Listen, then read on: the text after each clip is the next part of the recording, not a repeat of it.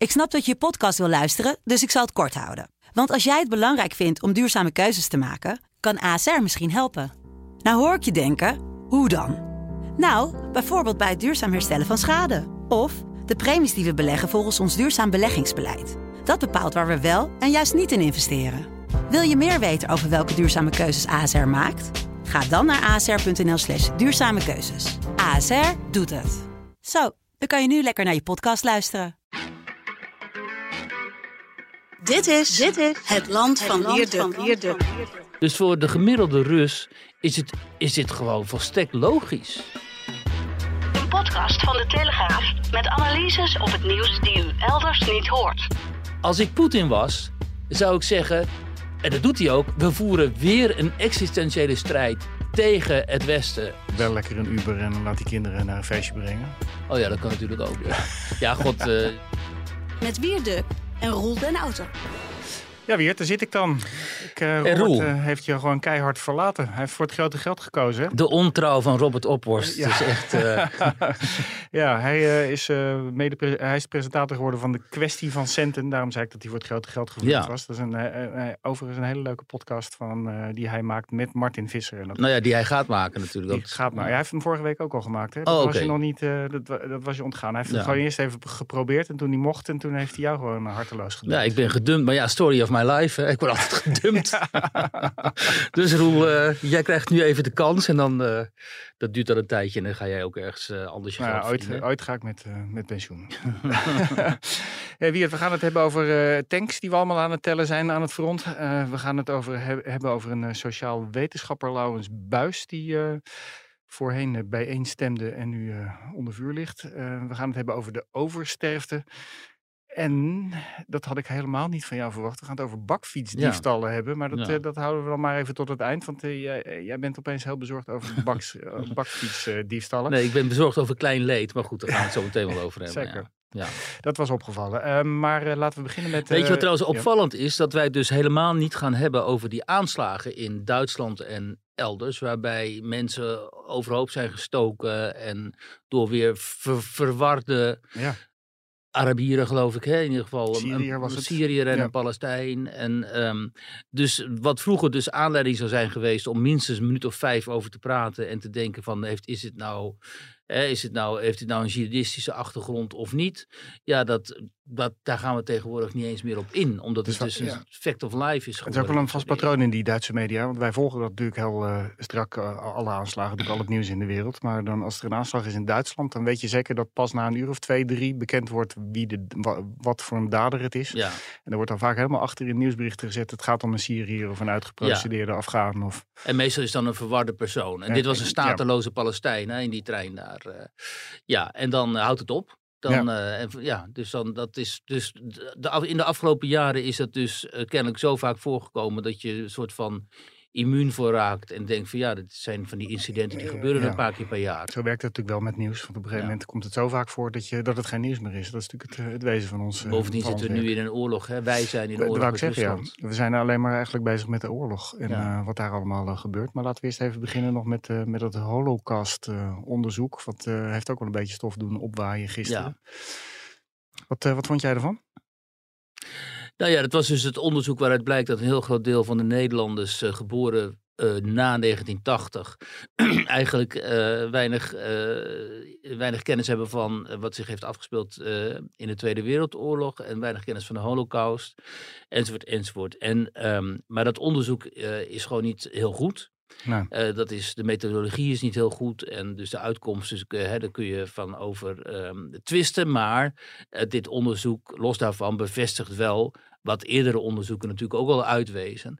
Dat eh, met name onder Nederlandse jongeren niet alleen weinig kennis is van eh, de holocaust, maar ook dat er heel veel weerstand is tegen onderwijs eh, daarover. Ehm, en het- het probleem met dit onderzoek is dat onmiddellijk is geconcludeerd van, oh zie je wat, gaat weer om jongeren en scholieren en zo. Maar het gaat dus om mensen ook gewoon rond de 40 ja, en zo. ja, ja, ja. Overigens is het wel een onderzoek wat internationaal gedaan wordt en nergens omstreden is. Of, ik heb het niet gehoord en opeens hier is het wel omstreden. Dus ik, wij hebben natuurlijk zelf ook niet nagegaan hoe, eh, hoe eh, exact dat onderzoek is. Hè? Nee, maar ik heb wel een aantal dingen eruit gelezen en gezien. En dan, ehm, wat ze dan bijvoorbeeld doen is, hè, laten we zeggen, eh, percentages mensen die dan het, ehm, laten we zeggen, het uh, percentage mensen van die leeftijd dat het aantal uh, slachtoffers van de holocaust te laag inschat is dan 7%. En het aantal mensen dat eigenlijk uh, helemaal niet weet of wil weten dat de holocaust heeft plaatsgevonden is dan 13% of zo. En dan tellen ze die percentages bij elkaar ja. zeggen ze 20%, maar dat kan natuurlijk nee, dat niet. Kan niet nee. Zo kun je natuurlijk niet te werk gaan. Dus dat zijn de fouten in het onderzoek. Maar los daarvan is het natuurlijk de op, ophef erover is dan misschien wat uh, overdreven, omdat de cijfers uit het onderzoek ja. misschien niet helemaal juist zijn. Maar de ontwikkeling, en daar moeten we wel even over hebben, dat um, grote delen van de Nederlandse bevolking eigenlijk helemaal geen kijk meer hebben op die holocaust. En die holocaust niet hebben geïnternaliseerd zoals wij nog. Uh, als een van de grootste rampen in de westerse geschiedenis. Ja, maar ja, wij zijn daarmee opgegroeid, uh, Wiert, na de oorlog. Ik ben in de jaren zestig heb ik op school gezeten in Haarlem. En uh, de, daar hoorde je met knikkende knietjes al die vreselijke verhalen aan over wat er gebeurde in die oorlog. Ja, ja natuurlijk. En mijn wel, ouders die hebben gewoon ja. de oorlog meegemaakt. Mijn vader die zat onder de grond. Want die, en, en, en mijn oom die, die zat op een gegeven moment in Scheveningen. Omdat hij ja. parool met mee hielp Oranje Hotel. te publiceren. Ja. ja. En, dus dan hoor je natuurlijk die verhalen. Um, uh, dus wij hebben dat helemaal, wat ik zeg, we hebben dat helemaal geïnternaliseerd. En het is ook, maar daar wilde ik naartoe, het is voor ons, voor uh, zeg maar de, de autochtone Nederlandse bevolking en ook van een zekere leeftijd, is dit een van de grootste tragedies uit onze collectief ervaren geschiedenis. Maar als je een Turkse jongere bent of een Marokkaanse jongere, uh, of, of sowieso Arabische jongeren, die een totaal andere blik hebben op het conflict in Israël rond Palestina. Ja. En voor wie de Joden altijd daders zijn in plaats van slachtoffers, die accepteren helemaal niet dit beeld van de holocaust van de Joden als slachtoffer. Dat kunnen zij helemaal niet begrijpen zelf, want zij, zelfs want in hun beleving, in hun cultuur in, in hun verhalen, zeg maar, is de Jood uh, degene die uh, de dader is. En dat, weet je, dat, weten wij immers van uh, docenten die dan zeggen, ja, ik, ik breng het onderwerp niet eens meer ter sprake, want de kinderen die worden woedend of ze lopen gewoon de klas uit. Nou, nu was ik gisteren bij half acht, hadden we het hier ook over. En dan wordt gesuggereerd. En was, daar zit trouwens ontzettend leuke uh, geschiedenisdocent, jonge jongen, die is geschiedenisdocent van het jaar. Die zegt altijd hele wijze dingen, en nu ook weer. Maar ja, dan heb je het dus over uh, hoe gaan we dat dan tegen? Wat ga je eraan doen om ook die populaties, zeg maar, uh, deel te laten hebben aan die hopelijk collectief beleefde uh, geschiedenisverwerking uh, ook. Hè? De, de, ja, nou, dat Duits... zou je heel anders moeten gaan doen. Want uh, zij hebben natuurlijk niet dat verleden. Zijn, hun verleden zit, zit in een stad in Marokko of in de bergen in Turkije. Ja, daar zitten hun grootouders, ja. komen daar vandaan. Ja. Dus, um, en ik denk dus dat het niet mogelijk is. Ik denk dat wij, wij hebben gekozen ooit voor deze multiculturele samenleving. Dat is ook een soort ideologie van vooral linkse partijen. Die vinden dat heel juist. Hè? Dat is heel goed, zo'n multiculturele samenleving. Des te diverser, des te beter. En deze mensen hebben kennelijk geen rekening mee gehouden dat als je een hele diverse samenleving, homogene, multiculturele samenleving uh, propageert, dat je dan ook verschillende verhalen over de geschiedenis uh, importeert. En als je dan opeens uh, zegt, wilt zeggen van ja, maar dit, dit, dit, deze geschiedenis die wij hier hebben beleefd, die is uh, dominant. En die moeten jullie ook je eigen maken.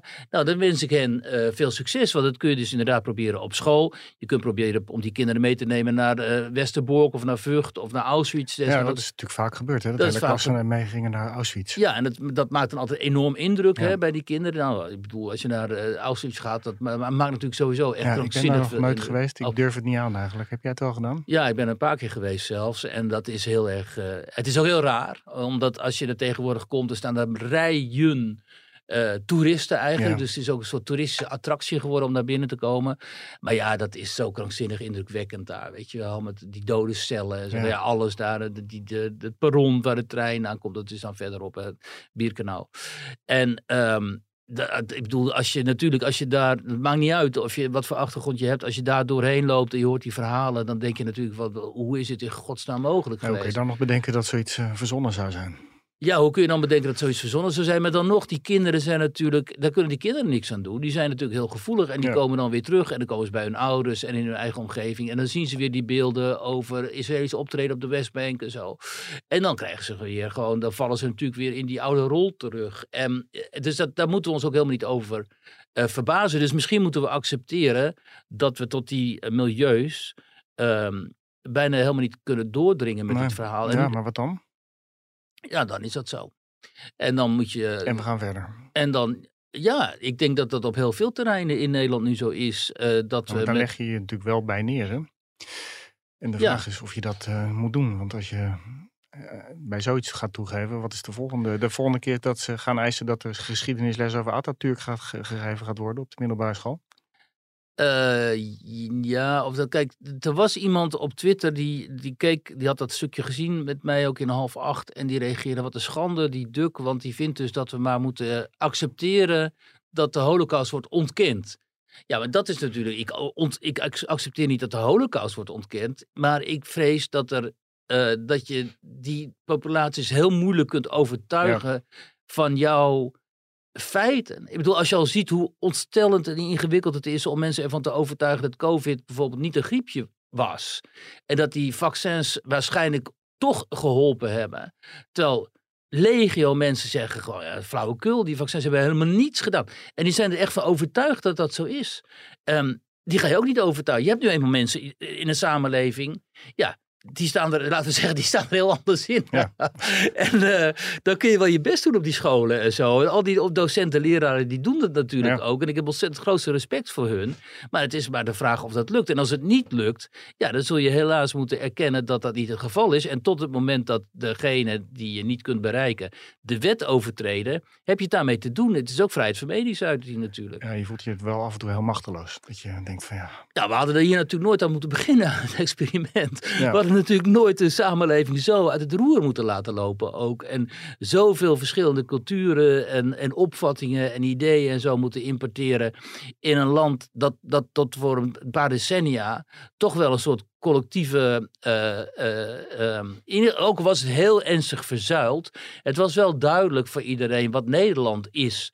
Zowel voor een katholiek in het zuiden als voor een protestant in het noorden was toch wel duidelijk, nou dit is Nederland. En dat weten we nu natuurlijk helemaal niet meer. Ook omdat er heel veel mensen zijn die helemaal niks met Nederland hebben. Die zitten hier gewoon omdat het hier leuk leven is. En omdat je hier eh, niet met oorlog wordt geconfronteerd. En, en, en je hebt ook nog eens een keer hoge uitkeringen en zo.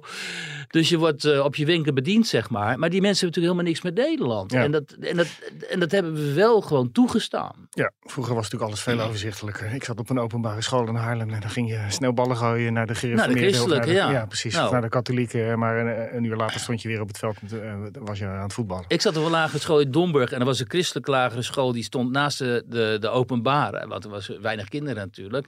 En dan gingen we dus in de, eh, na schooltijd, dan hadden we kattenpults en dan gingen we in de Ja. duinen gingen we eh, halen en dan gingen we met die kattenpults op elkaar schieten. En dat kon best hard aankomen, weet je Dat kan wel. heel hard aankomen. ja. En, eh, dus het waren ook een soort vijanden van ons. En, eh, maar ja, dat, dat was heel overzichtelijk natuurlijk. En dat is nu heel anders. En ja, ik, ik, ik, ehm, ik vraag me af en toe wel af hoe jonge mensen hier precies mee om kunnen gaan nog. Nou ja, dan krijg je natuurlijk een beetje Amerikaanse toestanden. Dat, eh, want daar is het natuurlijk ook zo. En dat sommige onderwerpen eigenlijk onaanraakbaar worden. Daar Ja. heb je het dan maar niet over Ja. om de lieve vrede te bewaren. En dan is die holocaust en de rol van Israël is daar één van. Ja, daar gaan we het straks over hebben. Vroeger was eh, oorlogje spelen nog heel gewoon op straat. Maar eh, nu wordt er echt oorlog gespeeld. Ik zag de Daily Mail, eh, die, had, eh, die lezen we hier natuurlijk elke dag. Tuurlijk. naar aanleiding van het laatste nieuws van de, de... Die hadden alle tankleveranties eh, op een rij gezet. En die hadden als grote kop... This is what you're up against now, Poetin. Ja.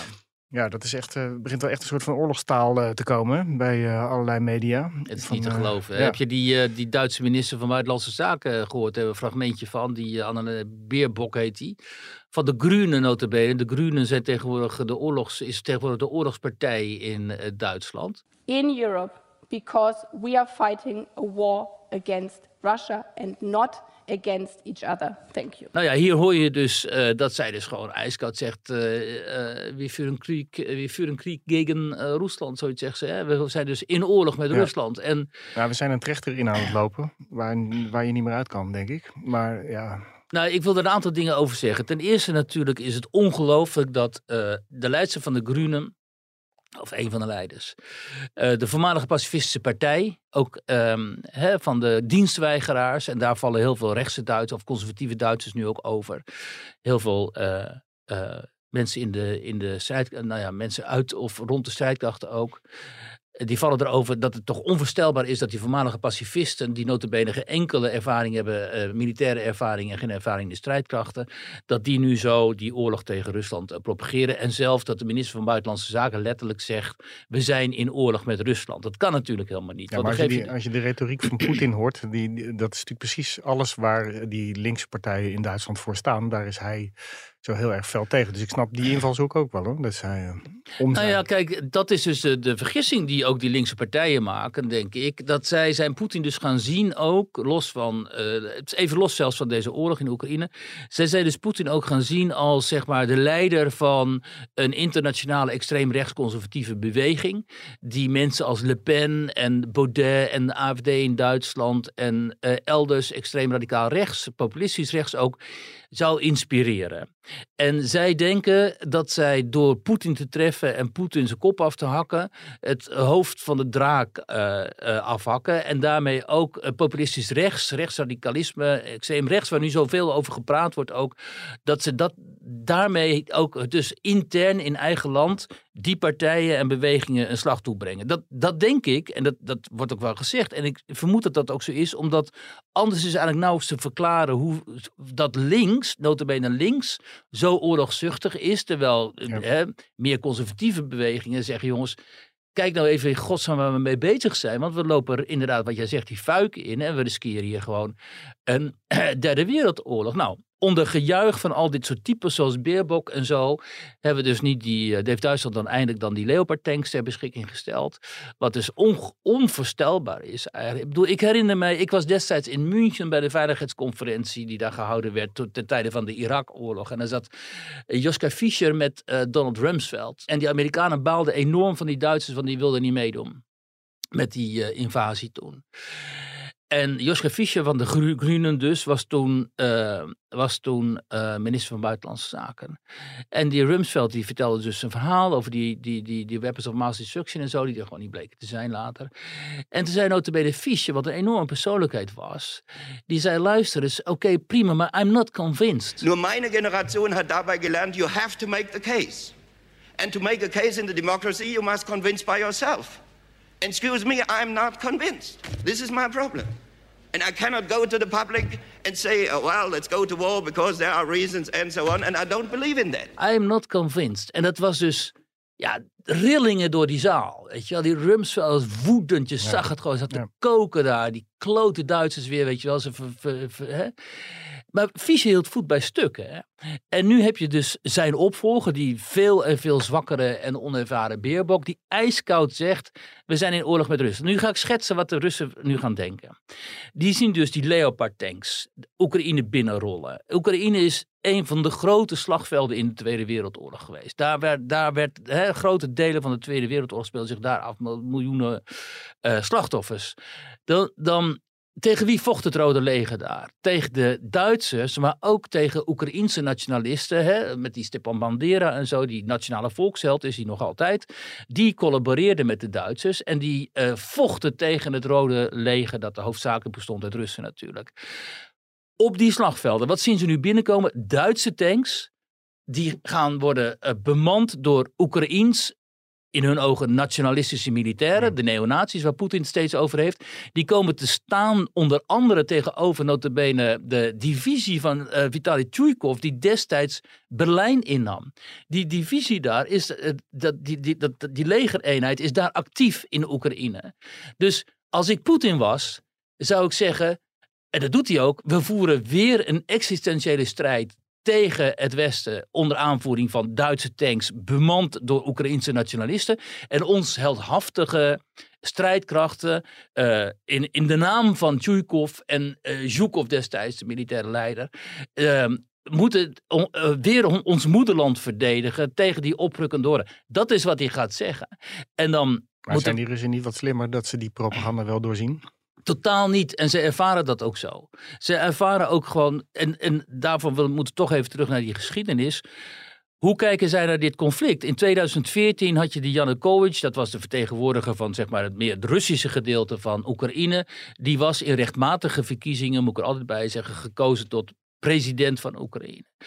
Die is vervolgens verjaagd door de opstand op de Maidan. ja. Die is dus, dat was Er zou een fantastische documentaire op Netflix daarover trouwens. Precies. En eh, nou ja. Oliver Stone heeft er natuurlijk ook eh, Ja. een documentaire over gemaakt. De feiten zijn onlogenbaar. Eh Janukovic, vreselijke vent, eh, marionet van Poetin, eh, corrupt en zo. Maar iedereen in, in Oekraïne was corrupt en is nu ook nog corrupt trouwens. Die Janukovic wordt verjaagd door een volksopstand. Normaal gesproken noemen we dat een putsch, weet je nog. Alleen omdat deze putsch ons zo goed uitkwam, zeiden we nee, dit was veel van, wil van het volk. Ja. Ze wilden toch iets anders. Ze hadden me eerst gekozen en toen wilden ze toch iets anders, weet je wel. Wie waren de stoottroepen van de Maidan? Dat waren die nationalistische Oekraïners ehm, van eh, bewegingen als eh, Swaboda en uh, Pravi Sector en zo. Dat waren dus echt radicaal rechtse types. Eh, Ja, die heb je dan ook nodig, omdat er moet gevochten worden. Ja. En die waren daar aan het vechten.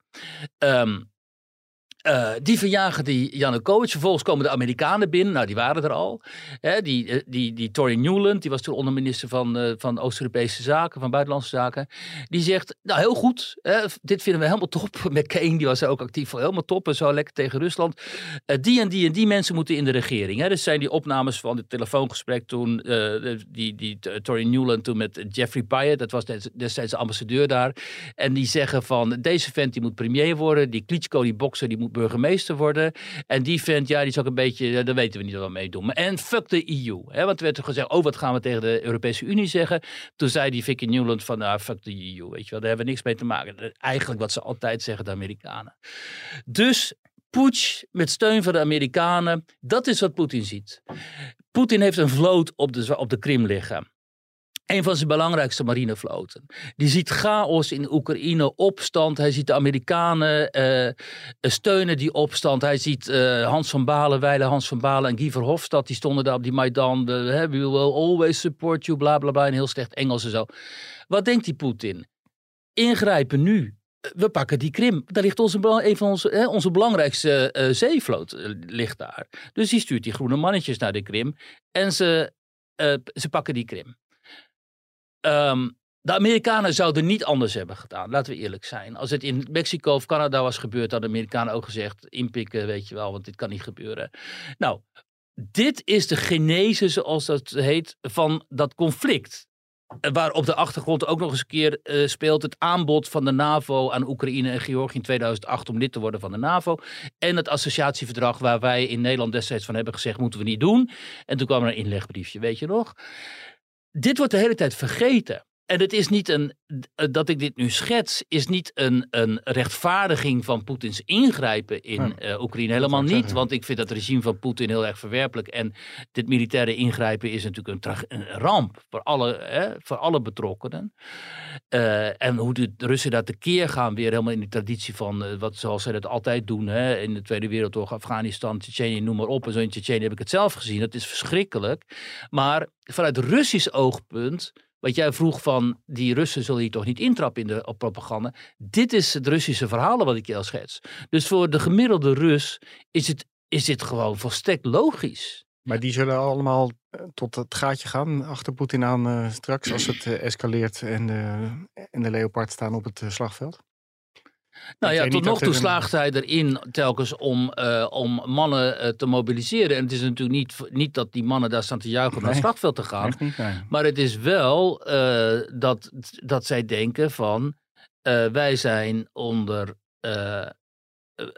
under attack. Dus we worden aangevallen. En we worden al heel lang aangevallen door het Westen. Het Westen rukt op in de vorm van de NAVO. De Oekraïners heulen met het Westen. En wij worden bedreigd, laat ik het zo zeggen. En in de, in de, in de, kijk, wij hadden het net over de Holocaust. In de Russische collectieve geheugen en het collectieve bewustzijn is dat gevoel van bedreigd te worden, eh, is gewoon essentieel. Ja. Hè? Want ja, Napoleon heeft het geprobeerd, die, die, die Mongoolse hordes hebben het geprobeerd, het is ook gelukt. Eh, Hitler heeft het geprobeerd en met enorme inspanningen zijn zij er telkens Ja, in Maar geslaagd. bij Hitler eh, kan ik me voorstellen dat je je daar eh, tegen had verzet. Maar mm, als, je, als je democratie en vrijheid als een bedreiging ziet. Ja, maar zij, zijn, zij zien natuurlijk natuurlijk. onze democratie en vrijheid, en, en dat zie je ook steeds, steeds terug in die propaganda van Ja. de Russen, dat zien zij als een façade. Wij vinden Hè, ons ze- totaal verdorven. En, eh, zijn inmiddels volledig decadent. Ze zeggen, Ja. hoezo jullie vrijheid? Je mag niet eens conservatief zijn. Want als je zegt dat je tegen abortus bent... of tegen homohuwelijk... of tegen transgender activisme... dan eh, verlies je je baan. Dus wat is dat dan voor vrijheid? Is dat dan jullie vrijheid van meningsuit? Kijk, zij spiegelen dat natuurlijk de hele tijd. Weet je Ja. nog, toen, toen Poetin een keer in Nederland was... eh, ging, zat hij met Russen, Rutte in zo'n... eh, in zo'n eh, persconferentie. En toen begon hij ook gewoon over het feit dat er in Nederland dan een partij voor de pedo's, dat dat gelegitimeerd was en zo. Hè?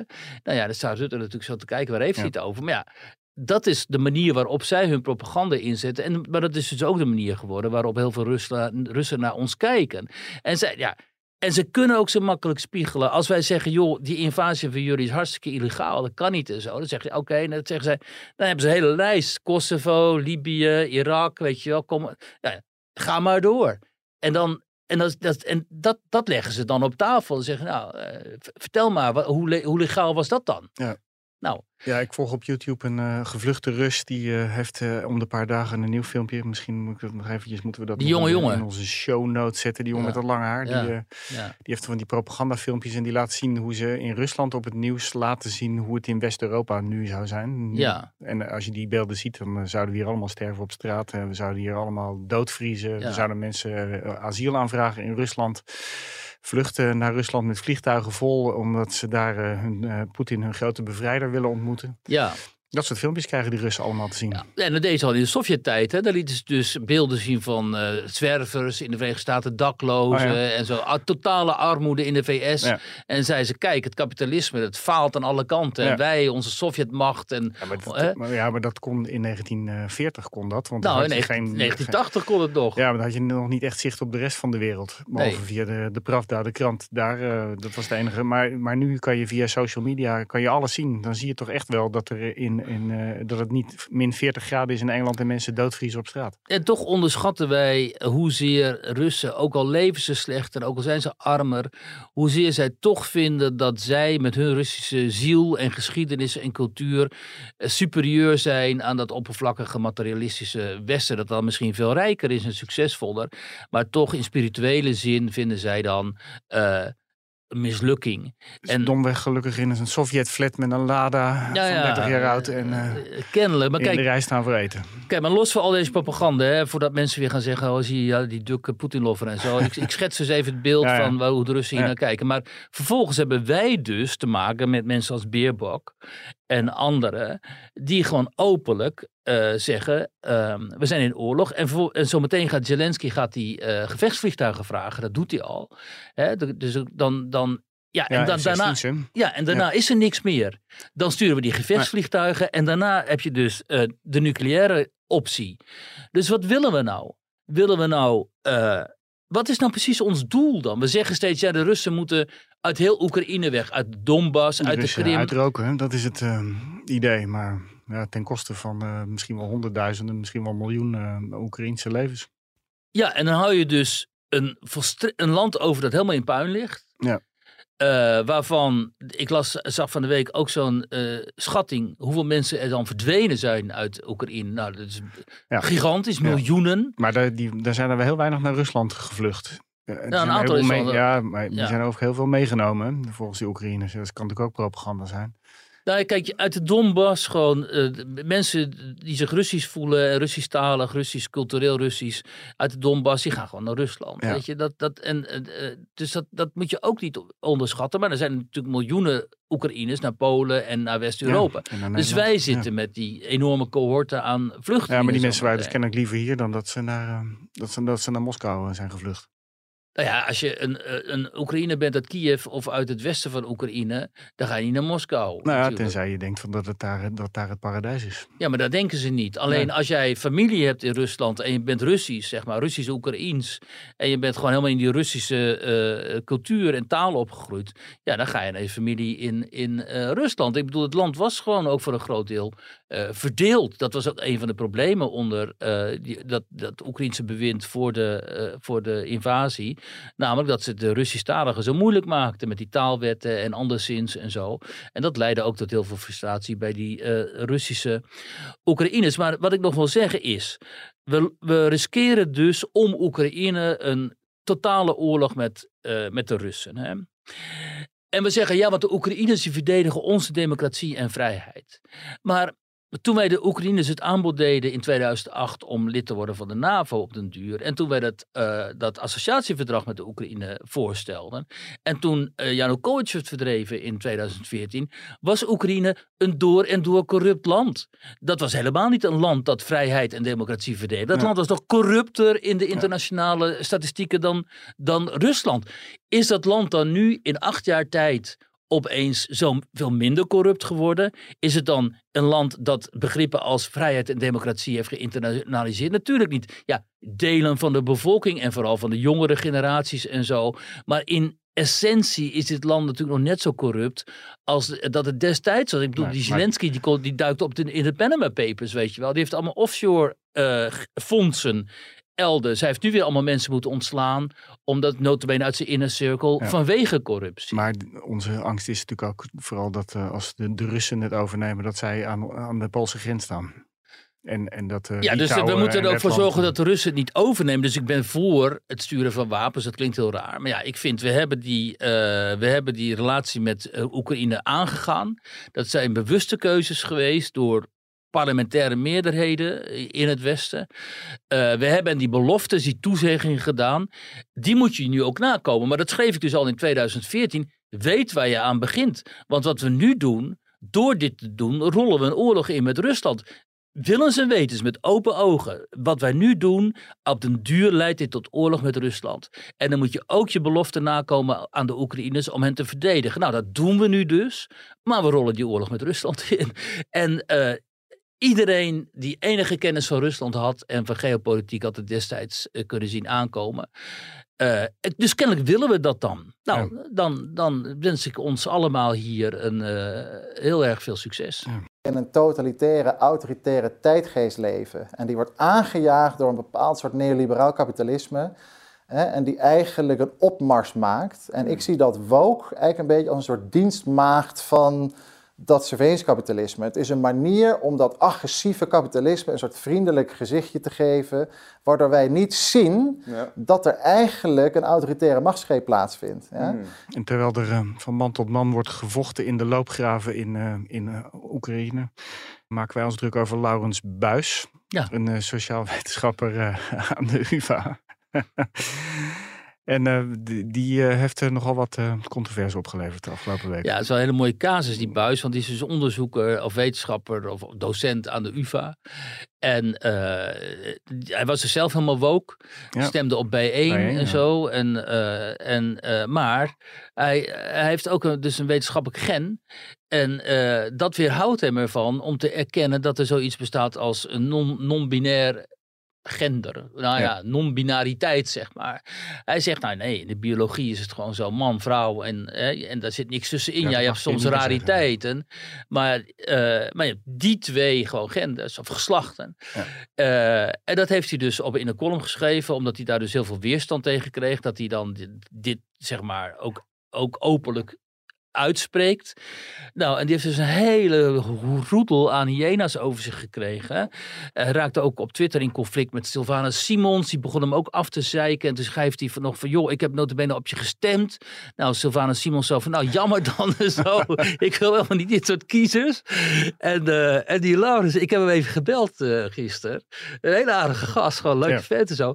Maar die krijgt nu allemaal nou ja, het is echt, het is, kijk, het is, loopt dus helemaal uit de hand. Want hij is nu de hele dag bezig op Twitter om zich te verdedigen. Ja, ja, ja. En te zeggen, ja, ik word bedreigd en ik heb steun nodig. En de UvA steunt mij niet en zo. Nee, de UvA zal hem niet steunen. Nee, nee. en wie steunt mij wel? Thierry Baudet. Thierry had hem gebeld. Ja, zo van, joh, hè, goeie, je houdt je, rug, echt, je, houdt je rug recht en zo. Nou, wie je duk belt en zo. Dus, uh, nou, niet voor steun, al die verdachte voor mensen die bellen hem op.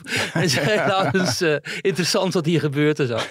En, uh, en hij is nu helemaal militant uh, um, uh, pro-vrijheid van meningsuiting. Dat was hij kennelijk al. Maar dat, dat uit hij nu dus ook op Twitter en zo. En dan zeg je, ja, maar dit, dit kan niet de bedoeling zijn. We moeten ons wapen, wapenen tegen dit, woke, dit radicale ja. wokisme. Nou, hij, het komt niet uit de lucht vallen. Want hij heeft in 2009, las ik ook al een keer een onderzoek gedaan over geweld tegen homo's in Amsterdam. En toen had hij al geconcludeerd dat, daar, dat de Marokkaanse daders daarin oververtegenwoordigd waren. Toen Ja, toen begon natuurlijk de controverse al meteen, want dat mag je natuurlijk ook niet zeggen. Nee, dat is natuurlijk het interessante. In die, in die wereld waarin hij verkeert, mag je dat soort dus eh, feiten niet benoemen.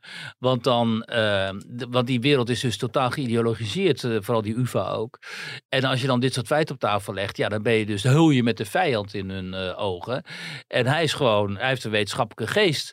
en hij vindt dat je dat wel gewoon openlijk moet kunnen zeggen. Want feiten zijn feiten. En, en nu is hij dus enorm met zijn hoofd tegen de muur ge- ge- gelopen.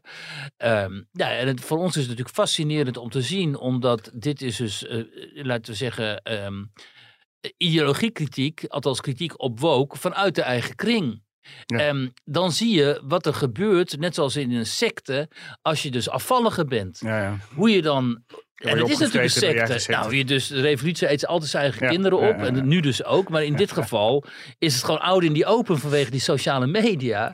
En zie je hoe die jongen dus gewoon helemaal kapot wordt gemaakt. Omdat hij notabene feiten eh, benoemt. En dat hij dus steun krijgt vanuit een hoek die in de ogen van die woke mensen natuurlijk een super verdachte is. Hè? Want eh, dat is allemaal natuurlijk radic- extreem rechts eh, wat Hij, zich nu meldt hij benoemt eigenlijk alleen maar feiten. En hij benoemt alleen maar feiten. Dus, eh, en op een gegeven moment dacht ik ook wel, want ik keek naar zijn Twitter-feed en zo, dacht ik ook van, jongen, eh, ben je niet een beetje overspannen aan het raken? en Zo. Maar toen sprak ik gisteren met hem. Ja, dat is gewoon een hele... Nou, ik snap wel dat je een beetje overspannen raakt. Want als je die hele meute over je heen krijgt, je gaat, je, je gaat gewoon achter je omkijken als je op straat loopt. Nou, dat moet ik je zeggen, heb ik ook tegen hem gezegd, joh, eh, dit is mij ook over- ooit overkomen. Ja. Maar dat is al jaren geleden. En toen ik mij voor het eerst meldde op Twitter en zo, met wat controversiële eh, artikelen en uitspraken. En toen overkwam mij dit ook en je schrikt je dood. Je denkt, Ja. wat is er nou aan de hand? En dan krijg je dus allemaal hele agressieve mensen over je heen, die, die uiteindelijk natuurlijk allemaal geblokt Ja, heb. Maar ook maar- mensen waarvan je denkt, van, wow, die kon wel eens gewelddadig zijn. Maar het hè? blijkt wel, blijft heel belangrijk om je toch uit te spreken. hè. Dat heb je aan de M&M's gezien in Amerika. Eh, Je ja. moet je gewoon de Tucker, Car- Tucker Carlson van eh, Fox News, die eh, is een aantal malen flink tekeer gegaan over de, de woke M&M reclames in Amerika. ja. En die, hebben, in- die zijn ingebonden, of die hebben ingebonden. Krijg je nu wel weer vrouwelijke M&M's? Want waar had die Tucker Carlson ook weer over? Die vrouwen waren onherkenbaar geworden, toch? In die, Ja, dat, ja. eh, ja, het, het was totaal woke geworden en Ja. eh, alles buitelde over elkaar heen. Ja. En, eh, maar, hij heeft die, maar hij heeft natuurlijk een enorm podium. het is natuurlijk, Wierduk heeft een wat minder groot podium, behalve deze podcast en de Telegraaf. ja, Tucker. Carlson is een beetje de meest bekeken commentator in niet te Amerika. geloven, hè? Ja, die, maar die man kan, dus op YouTube ook wel, ook wel grappig om te zien. die man kan aardig ranten en Tucker Carlson is enorm wel bespraakt natuurlijk en hij doet het heel goed en zo. Maar ja, hij heeft ook wel hele controversiële dingen gezegd. Ja. Waarvan ik ook denk van oké, eh, en zeker over Rusland heeft hij gewoon echt geen, eh, dat is allemaal niet koosje wat hij daar, eh, wat hij daar zegt vaak. Ja, die- maar ja. Maar wat je wel ziet nu is dus ook in, in, in die, die casus die we net bespraken, dat er dus een tegenbeweging tegen woke eh, Ja. is ontstaan. Nou ja, dat is, dat is wel natuurlijk de verdienste van eh, de, de, de Van mensen die zich uitspreken, en, zeker. de Tucker Carlson van deze wereld. Ja, en ik denk niet dat Laurens Buis leuk vindt dat hij op één lijn wordt Nee, gesteld nee, met nee. Tucker Carlson, maar dat maar- is wel zo. en dan roept hij Laurens ook toe op, weet je wel. Spreek je uit, verdedig mij, eh, zo wel leuk en zo. En eh, nou ja, ik vind dat mooi, omdat eh, je moet, kijk, je moet dapper zijn. En het enorme aantal lafaards en meelopers dat, dat gewoon heult met, hè, met, eh, met, met woke bijvoorbeeld, omdat, hen, omdat ze bang zijn voor hun baantje. Ja, dat is natuurlijk gigantisch. En eh, dus het is altijd mooi als mensen opstaan, gewoon de rug recht houden. En zeggen, ja, maar dit druist zo in tegen de feiten wat ik, eh, en, hè, en tegen wat ik waarneem. En het, dit is zo gevaarlijk. Ik verzet me hier tegen, desnoods verlies ik mijn baan. Nou, dat is, dan ben je wel een held hoor. die, al die mensen die zich vanaf het begin over de oversterfte hebben uitgesproken. Maar het volgende onderwerp meteen op te pakken. dat is een goed bruggetje, eh, Roel. Ja. Maar eh, de, eh, die, die in het begin werden die ook voor gek versleten. Nou ja, kijk, je kunt je niet tegen de oversterfte uitspreken, want die, die, die is er. Maar de, er is dus, en het is ook wel een heel heikel onderwerp, moet ik zeggen. Er is dus al sinds de coronapandemie natuurlijk sprake van oversterfte. En eh, die over het afgelopen jaar, 2022, waarin we toch allemaal op zijn minst 15 keer waren gevaccineerd. En anders hadden we wel allemaal 30 keer al corona gehad, en daar komt het op neer. Dan is het toch wel raar dat die oversterfte zich nog op Ja. zo manifest eh, aandient. Hè? Want er waren iets van 14.000 mensen te veel overleden. Nou, ik had er afgelopen zaterdag een stuk over in de krant met de vraag van waarom wordt dit nou niet gewoon goed onderzocht en waarom waarom onderzoeken we niet of er een link is met de vaccinaties? Want er is nou maatschappelijke onrust. Ik zal het even goed uitleggen nou, nu. In bepaalde kringen is maatschappelijke onrust ontstaan over het feit dat mensen denken: kijk, er sterven te veel mensen en dat komt door die vaccins één op één. Die mRNA-vaccins die zijn niet veilig en daar gaan mensen, vooral jonge mensen, gaan daaraan dood. Nou, dat is natuurlijk een enorme uh, uitspraak die daar uh, neergelegd wordt. En dan lijkt mij, als je in de wereld van de, uh, van de academie en van de onderzoekers verkeert en je houdt je bezig met onderzoek naar oversterfte, dat je ook even gaat kijken, als het kan, bestaat er een link met die vaccinaties? Nou, dat, is het, dat schreef ik in mijn stuk. En ik liet een paar mensen aan het woord. En die zeggen, ja, er moet inderdaad over, uh, onderzoek naar worden gedaan. Alleen de data zijn nog niet allemaal vrij. Maar dus er moeten... lopen negen onderzoeken, eh, stond in jouw Ja, er lopen inmiddels elf onderzoeken. Maar dat zijn dan juist uitgerekend het voorstel om, het, om onderzoek te doen naar oversterfte en vaccinaties. Dat is afgewezen, want daarvan was de kwaliteit niet voldoende, werd ja. gezegd. En we lopen nu onderzoeken als, uh, wat heeft die, hoe ging het met mensen in de, in de langdurige zorg en met ouderen en zo, weet ja, je wel. Dat specifieke doelgroepen. Hele specifieke kleine onderzoeken en zo. Maar om die onrust weg te nemen, moet er natuurlijk gewoon één op één een, uh, een uh, conclusie worden getrokken over getrokken kunnen worden over spelen vaccinaties erop. Maar dit soort onderzoeken gebeuren dan toch misschien, als het hier niet lukt, wel in het buitenland ergens? Nou kijk, uh, dat is heel ingewikkeld, omdat je heel veel verschillende data moet uh, hebben die in Nederland bijvoorbeeld uh, onder privacybescherming gelden. En wat nou extra ingewikkeld hieraan is, is als je dit dus oproept, uh, als je de vraag opwerpt, dat dan allerlei mensen binnen dat establishment, laten we het zo zeggen, medische, mediale, politieke establishment, die gaan zeggen, nou luister eens, er is sowieso geen sprake van enige link. En bovendien, het is al onderzocht, zeggen ze dan. Dat is niet zo, maar dat zeggen ze dan wel. Van, via CBS en RIVM en zo zeggen ze dan. Dat is al onderzocht en het is al duidelijk dat er geen enkele relatie is. En dan krijg ik dus... Ik kreeg de wetenschapsredacteur van de Volkskrant, Maarten Keulemans, over me heen. Die schreef over dat stuk van mij op Twitter van dat dat een uh, surrealistisch slecht stuk was. Ja, ik was zeggen, wat voor reacties kreeg je? Hele rare reactie. en ik was het schoothondje van Pieter Omtzigt, die notabene econometrist is. Maar het was toch gewoon heel... Nou, en Pieter heeft, Pieter heeft toen die motie ingediend hè, in de Kamer. Die heeft gezegd er moet onderzoek komen naar oversterfte. De, unaniem aangenomen. En Omtzigt is gewoon niet tevreden met hoe dat tot nog toe is gegaan. dat stond erin, maar dat, ja, dat, dat was niet het enige waar nee. het verhaal over ging. Nee, dus dan is het heel raar dat die Keulemans mij het ja. schoothondje van Omtzigt noemt. Dat is ja. dus ook weer heel erg vervelend geframed uit die volkskrant. hoe komen altijd... Is altijd uh... Ja, heel vervelend. Terwijl ik die Keulemans notabene vaker hard onder de riem heb gestoken. Omdat die wordt altijd ontzettend aangevallen door mensen. Hè. En uh, ik heb er regelmatig gezegd, joh, je dat volhoudt en zo. En uh, nou, toch wel, hè, uh, zet hem op en zo. En dan gaat hij mij opeens zo afvallen op Twitter. De, de verrader ja. dus gewoon eigenlijk. maar ja, hè, ik ben wel wat gewend. Je, maar, bent, je bent wel wat gewend. Ja, en, um, maar, en daar gaat het mij ook niet om. Het gaat mij erom um, dat een eventueel onderzoek naar de relatie tussen oversterfte en vaccins, dat dat bij voorbaat verdacht wordt gemaakt. En dat vind ik verdacht. Ja. Dan denk ik, ja, zit je hier al wat ja, te houden? Voelen, iedereen voelt natuurlijk wel aan dat er iets aan de hand moet zijn, want anders heb je geen oversterfte. Dat is gewoon een cool, een kil cijfer. Ja, maar- er is een oversterfte, Ja, dus dat maar- moet ergens te verklaren zijn. Ja, maar en dat is ook zo schitterend. Dat maar zegt, dat mag je dan kennelijk niet eh, opwerpen. wat wordt dan vanuit het CBS gezegd van ja. Eh, tijdens de pandemie zijn meer demente mensen thuisgebleven en waarschijnlijk overleden als gevolg van een val. Ja. Eh, alsof demente mensen niet sowieso vaak thuis zijn. En alsof mensen die vallen sowieso niet vaak thuis vallen. De, vervolgens wordt er ook Ja, gezegd. Opvallend is wel het hoge aantal 90-jarigen dat niet stierf. Komt waarschijnlijk omdat ze zijn thuisgebleven. Ja, wat is het Ja. nou dan? Weet je? Nou ja, maar daarom is het heel goed om dat allemaal op een rijtje te zetten. Ik wil dat wel eens weten. Er zullen vast hele fascinerende uitkomsten. Ik denk dat misschien 90-plussers wel een betere eh, eh, weerstand hadden. Omdat zij nog uit de, de Spaanse griep van de vorige eeuw eh, nog... Nou ja, ik denk, ja, natuurlijk wel- heeft het geholpen dat mensen niet veel met elkaar in contact kwamen. Dus dan, Ja. dan loop je dat virus niet op. maar wat die natuurlijk- wij willen toch gewoon alles weten? Ja, nou ja, dat dus. En wat eruit gaat komen is natuurlijk een gevolg van long-covid. Van ook wel eh, hè, nog de, de late eh, re- reacties van covid. Dus mensen die gewoon doordat ze covid hebben doorgemaakt... de slechtere gezondheid zijn eh, gaan verkeren en daar alsnog zijn overleden. Maar misschien ook wel bijwerkingen van, van de vaccinaties. Nou, Ja. Maar ja, daar, daar kom je niet omheen. Dat gaat de komende jaren ergens uitkomen. Want eh, er wordt in de hele wereld onderzoek gedaan. Er zijn een heleboel landen en een heleboel die er belang bij hebben om echt nou eens uit te zoeken wat er gebeurd is. Denk jij dat, het, dat ze dat anders onder de pet zouden willen houden? Eh, ik denk dat dat. eh, Want dan ga je natuurlijk ook alweer... dat, nou, ik denk dat het heel moeilijk gaat worden. Ik Ja? denk dat, dat, dat ook al zou er een relatie zijn, dat dat dan niet heel breed uitgemeten gaat worden in de media. En dat dat uit heel angst snel. voor claims of... Nou, uit angst voor. Hier is zoveel mee gemoeid. Ja.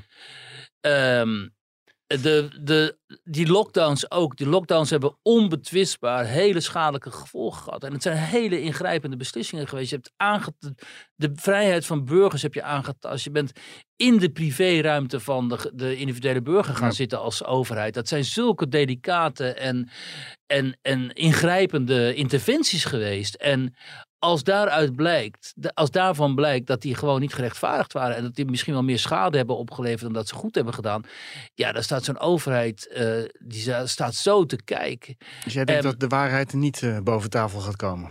Nou, dat is mij helemaal de vraag. Ik denk Ja. dat over heel veel hele belangrijke thema's in de geschiedenis de waarheid nooit boven water is gekomen. Omdat Ja. het te zeer, en dan ben ik helemaal geen complotdenker, maar omdat de waarheid af en toe te zeer eh, het, het, het, hoe heet het, het dominante verhaal eh, en de consensus kan ondermijnen. Waar was Wiert? Er is overigens nog iemand die denkt dat de waarheid nooit boven water zal komen. Dat is meneer met zijn bakfiets. Simon Sets met de bakfiets. Is, Terwijl hij toch ik, de eh, beelden heeft. Ja, moet eventjes eh, verklaren. Je had vandaag de In Nederland rubriek in de krant. En eh, daar heb je een verhaal. Je hebt gesproken met advocaat Simon Sets. Die woont in de binnenstad van Amsterdam. En ja, de afdeling Klein Leed. Die heeft over 20.000 euro schade opgelopen. Want zijn bakfiets wordt of gestolen. Elektrische of zijn elektrische bakfiets. Ja, of ja. Of zijn eh, batterij wordt gestolen. Die man Ja. heeft camera's opgehangen. Die is naar de politie gegaan. Wat een leed. eh, Wiert, je hebt het opgenomen voor de linkse bakfietsvader in eh, Amsterdam. Maar het blijkt een VVD-stemmer te zijn. overigens. ja, hij is dus helemaal niet links. Maar ja, nou ja, ik vond dit ook wel eens nodig, omdat. eh, ehm, kijk, wat hij zegt is. eh, er zijn dus twee bak, elektrische bakfietsen van hem gejat. Die die Ja. kosten per stuk wel iets van 6.000, 7.000 euro of Ja, zo.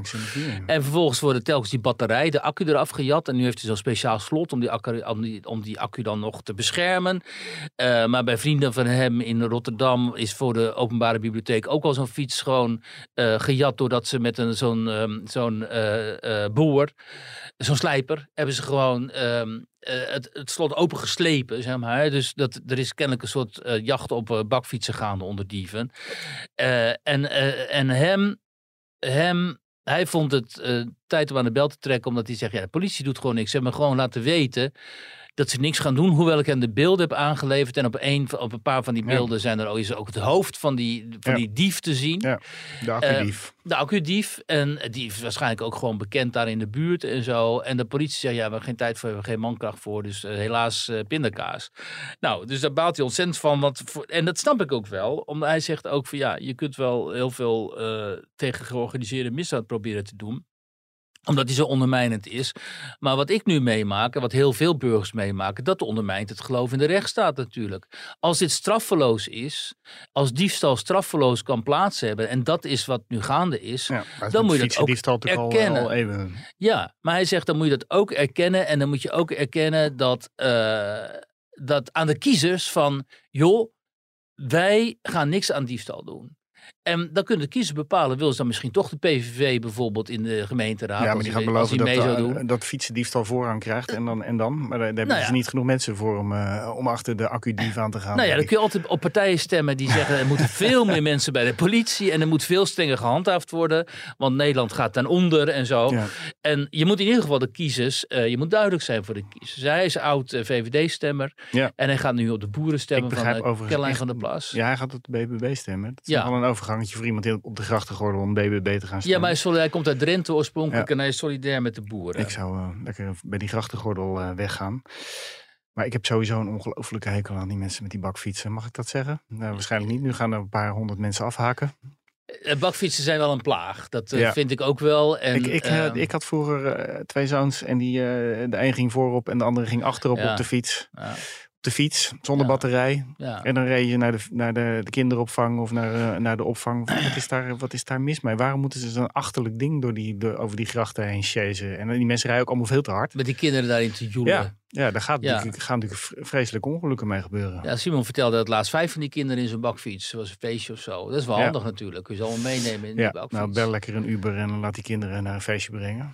Oh ja, dat kan natuurlijk ook. Ja, ja god, eh, in onze tijd, ja, die kinderen, als, als, ik had al heel snel gewoon eigen zo'n fietsje. En daar fietste ik mee door het dorp. En, eh, Maar toen waren er ook nog nauwelijks auto's. eh, hè, dus dan, eh, ja.